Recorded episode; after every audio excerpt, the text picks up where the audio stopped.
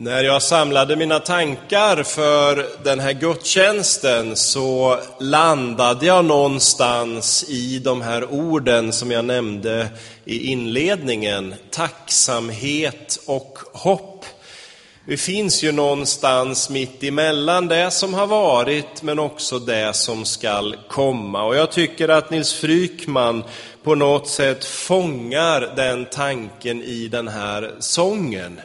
Allt i livet är inte alltid enkelt och självklart, men ändå finns Herren där och han bär oss och han omsluter oss på alla sidor och håller oss i sin hand. Och vi som var på fängelset och hade gudstjänst i tisdags kväll, där man finns bland människor som kanske har haft en lite besvärlig resa, vi fick höra hur en av klienterna där, de intagna, bad att få läsa en text.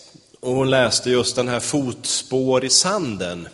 Och kunde vittna om detta då att Gud, han finns där och bär också i de svåra stunderna i livet. Man blir så varm och tacksam inombords och sen då den sista versen som jag älskar så högt i den här sången. Är det så saligt redan här att vara Jesu vän, hur ska det då inte bli sen i himlen? Tänk dig, fantastiskt, helt underbart.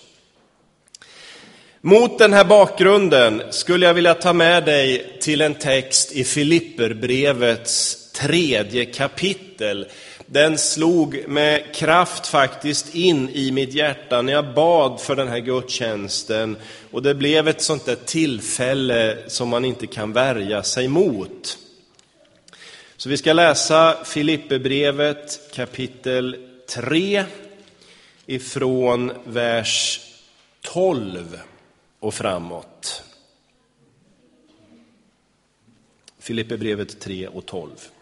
Paulus skriver inte som om jag redan har gripit det eller redan har nått det målet. Men jag jagar efter att gripa det eftersom jag själv har blivit gripen av Kristus Jesus. Bröder, jag menar inte att jag redan har gripit det, men ett gör jag. Jag glömmer det som ligger bakom och jag sträcker mig mot det som ligger framför och jagar mot målet för att vinna segerpriset, Guds kallelse till himlen i Kristus Jesus. Det är så vi bör tänka, alla vi fullkomliga. Tänker ni fel i något avseende ska Gud uppenbara det också för er. Dock, låt oss hålla fast vid det som vi har nått fram till. Låt oss be. Ja, vi tackar dig Gud för att du la de här orden i Paulus mun, att han fick tala ut dem för sin skrivare så att de kunde bevaras också till oss. Och nu ber vi att ditt ljus ska få lysa över den här stunden. Levande gör ditt ord och dina tankar, Herre. Och skulle något vara ifrån mitt hjärta och kött som inte ska vara här, så ber jag att det ska falla ner och dö. Så att det som du har gett oss är det som lever vidare. I Jesu namn. Amen. Jag ska genast förklara mig när man läser en sån här text vid en jubileumsgudstjänst i ett sånt här eh, tillfälle så kan det ju vara något litet missförstånd som ligger och lurar på oss någonstans. Det där med att glömma det som har varit.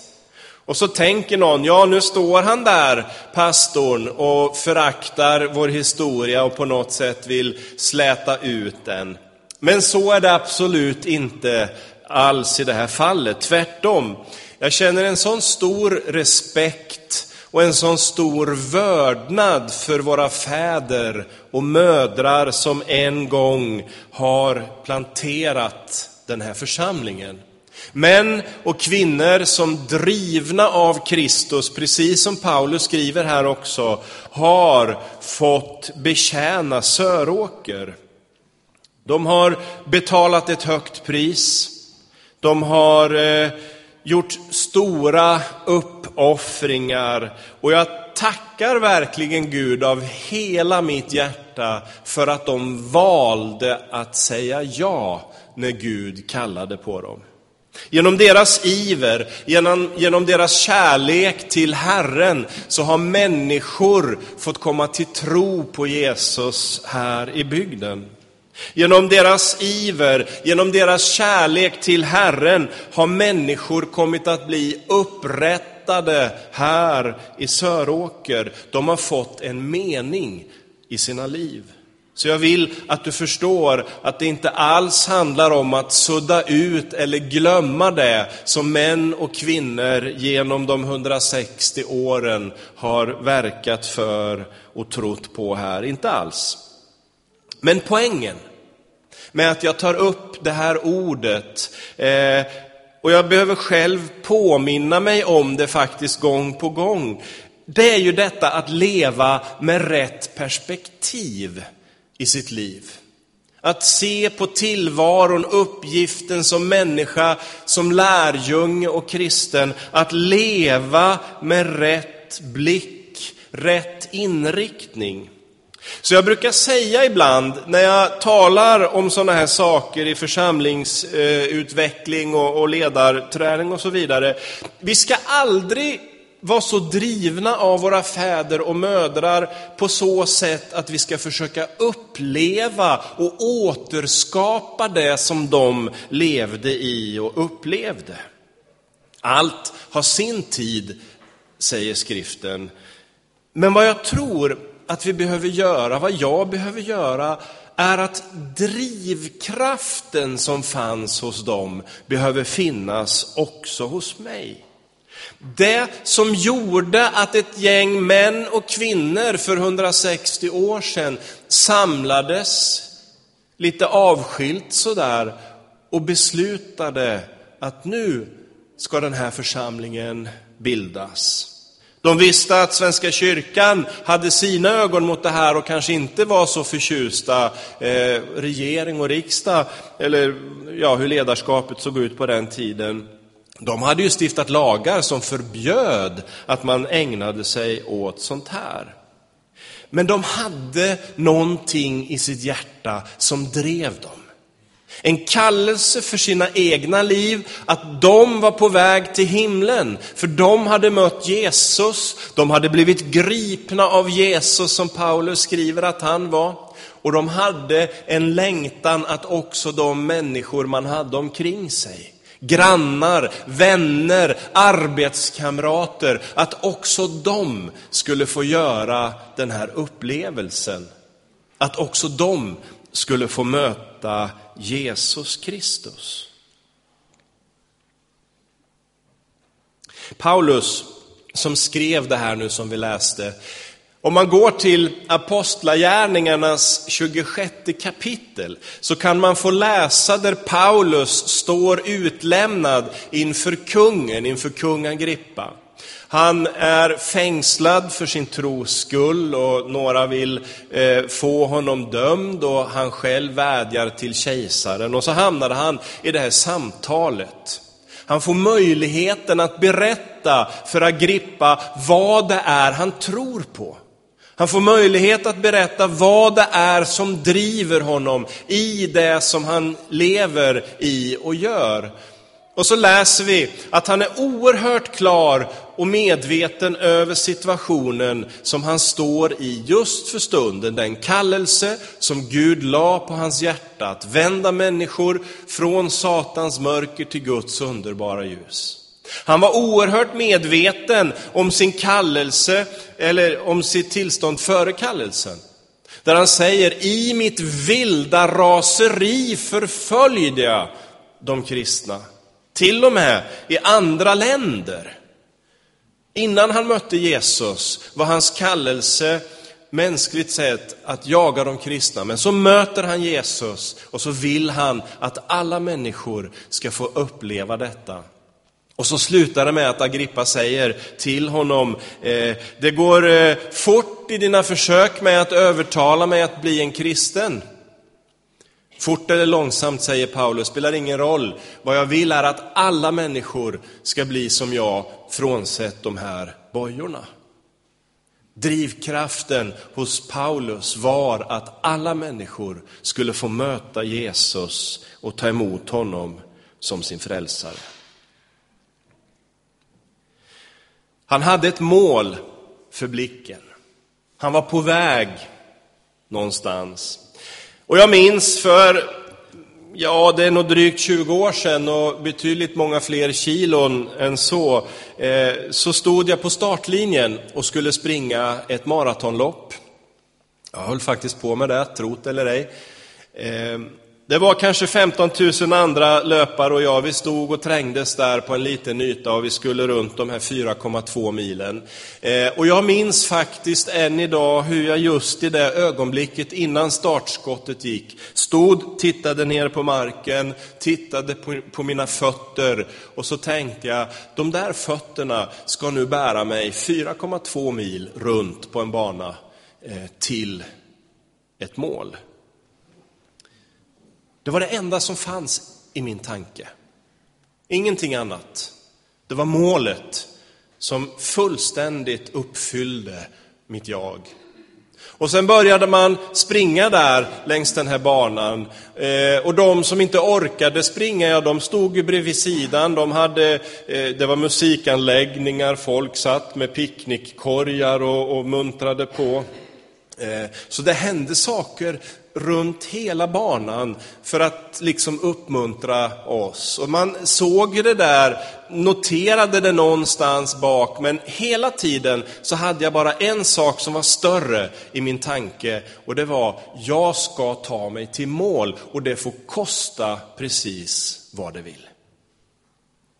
När jag hade sprungit i ett antal timmar och drygt tre mil så började min högerfot att göra ont. Och för varje steg så gjorde det allt ondare där jag tog mig fram.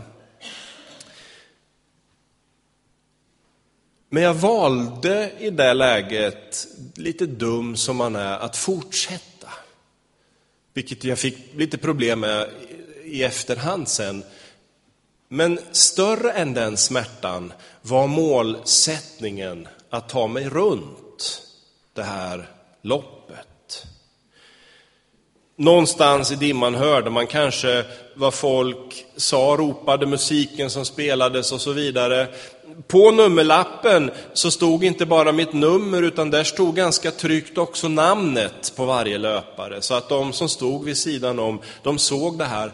Och när jag hade sprungit ungefär 3,9 mil, kanske 4 mil av de 4,2, så var det en man, jag minns honom än idag, så var det en man som stod vid sidan och jag hade så ont då i foten så då gick jag, då kunde jag inte springa längre. Daniel, hör jag någon som skriker och får syn på honom, våra ögon möts där. Här har jag stått i flera timmar och väntat på dig och du har mage att gå. Ja, precis. Han visste inte vem jag var, jag visste inte vem han var, vi hade setts efter det där. Men det var en uppmuntran. Och någonstans så fick jag lite mer energi att fortsätta, så jag började väl halta lite och springa lite försiktigt. Eh, och sen kommer man runt ett hörn och så ser man porten in till Stockholms stadion.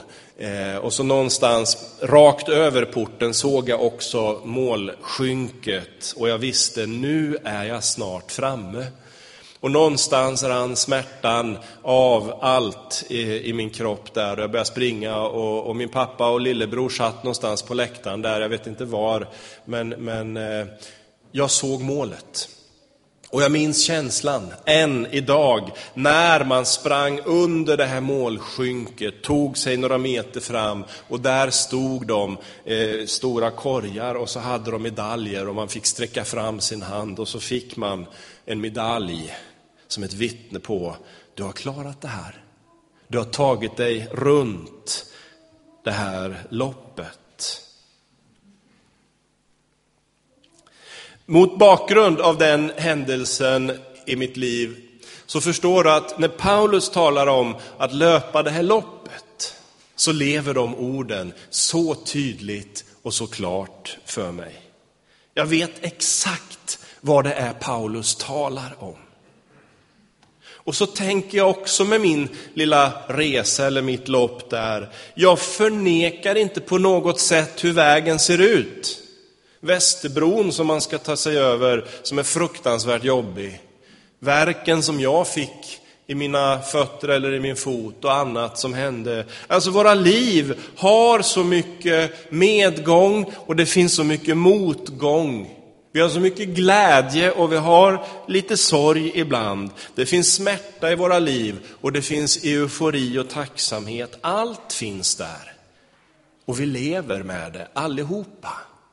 Hela den här paletten av känslor och upplevelser är något som Gud har gett oss att leva med. Men, och det här, jag behöver påminna mig själv och kanske att jag kan få uppmuntra en och annan med det också. När vi har vår vandring, vårt lopp att genomföra, så låt oss aldrig tappa fokus på vart vi är på väg någonstans.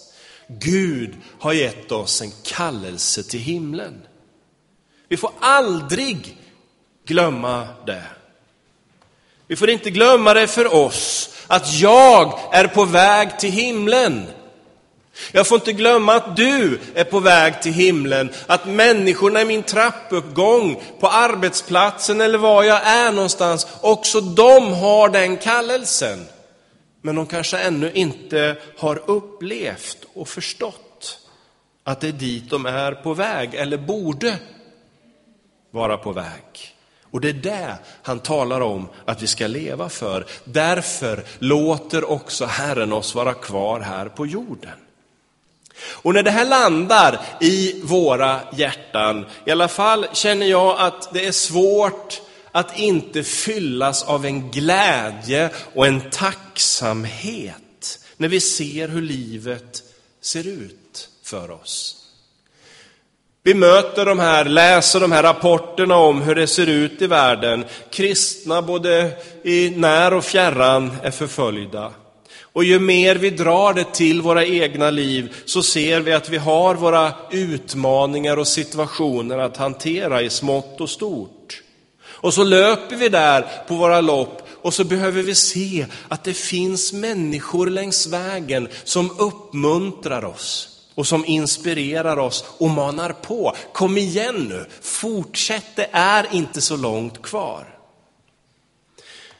Ibland kanske vi tappar fokus och, och irrar oss in på någon sidostig eller något sidospår. Och då kan det finnas någon, hallå, du är på väg åt fel håll, kom här ska jag visa dig så att du kommer på rätt väg igen. Vi har våra smärtor, backar uppför och backar nerför. Allt är inte enkelt och roligt, men det finns där att övervinna för att ta sig ända fram. Och mot bakgrund av allt det och mer det till så fylls jag av en tacksamhet till honom som har kallat mig att springa det här loppet. Som har gett mig bilden i mitt inre, som har etsat den in i mitt hjärta. Det finns ett målsnöre, ett målskynke där framme med ett segerpris, bara du tar dig dit. Och jag känner en tacksamhet för människor längs vägen som muntrar mig och ger mig inspiration att ta mig framåt. Alltid på rätt plats, alltid i rätt tid kommer de där orden. Bara jag är villig att lyssna och se. Och jag förstår att allt är så välordnat. Jag förstår det inte alla gånger, långt ifrån. Men jag vet att det finns någon som är större än allting, som håller koll på situationen, som håller koll på mig och som håller koll på dig. Det finns en Gud som älskar oss och ger allt han har för att vi ska må, nå till målet.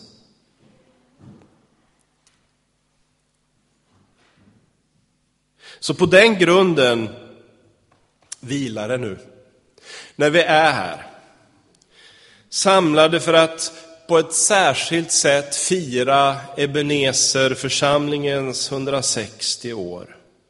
Det är med en djup tacksamhet som jag står här och minns lite, eller läser på. Jag minns ju inte allt, för jag är inte så gammal. Men jag läser om det som har varit. Ni vet, Per Olander, han hade inte döpts ut i Skavsjön den 3 november 1856 om inte någon annan människa hade haft målet för sin blick och tanken att Per, han ska vara med på vägen till målet.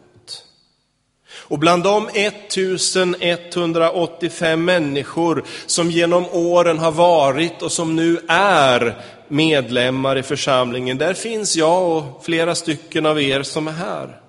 Pusselbitar i Guds mönsterbild för Söråker. Män och kvinnor som tillsammans löper mot målet. Med tacksamhet till Gud för de 160 åren lever vi med framtiden för oss i väntan på att Jesus ska komma tillbaka och hämta sin brud.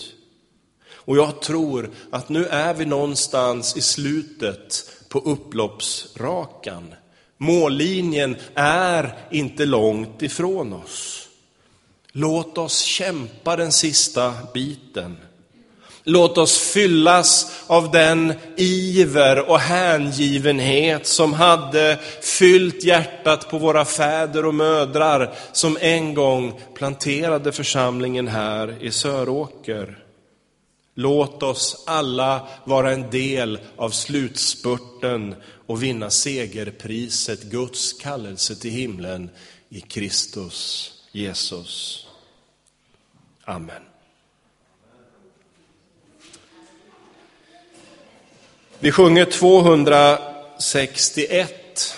Tack min Gud för det som varit, men också det som inne är. 261 och efter det ska vi sen få lyssna till Annika och Stefan.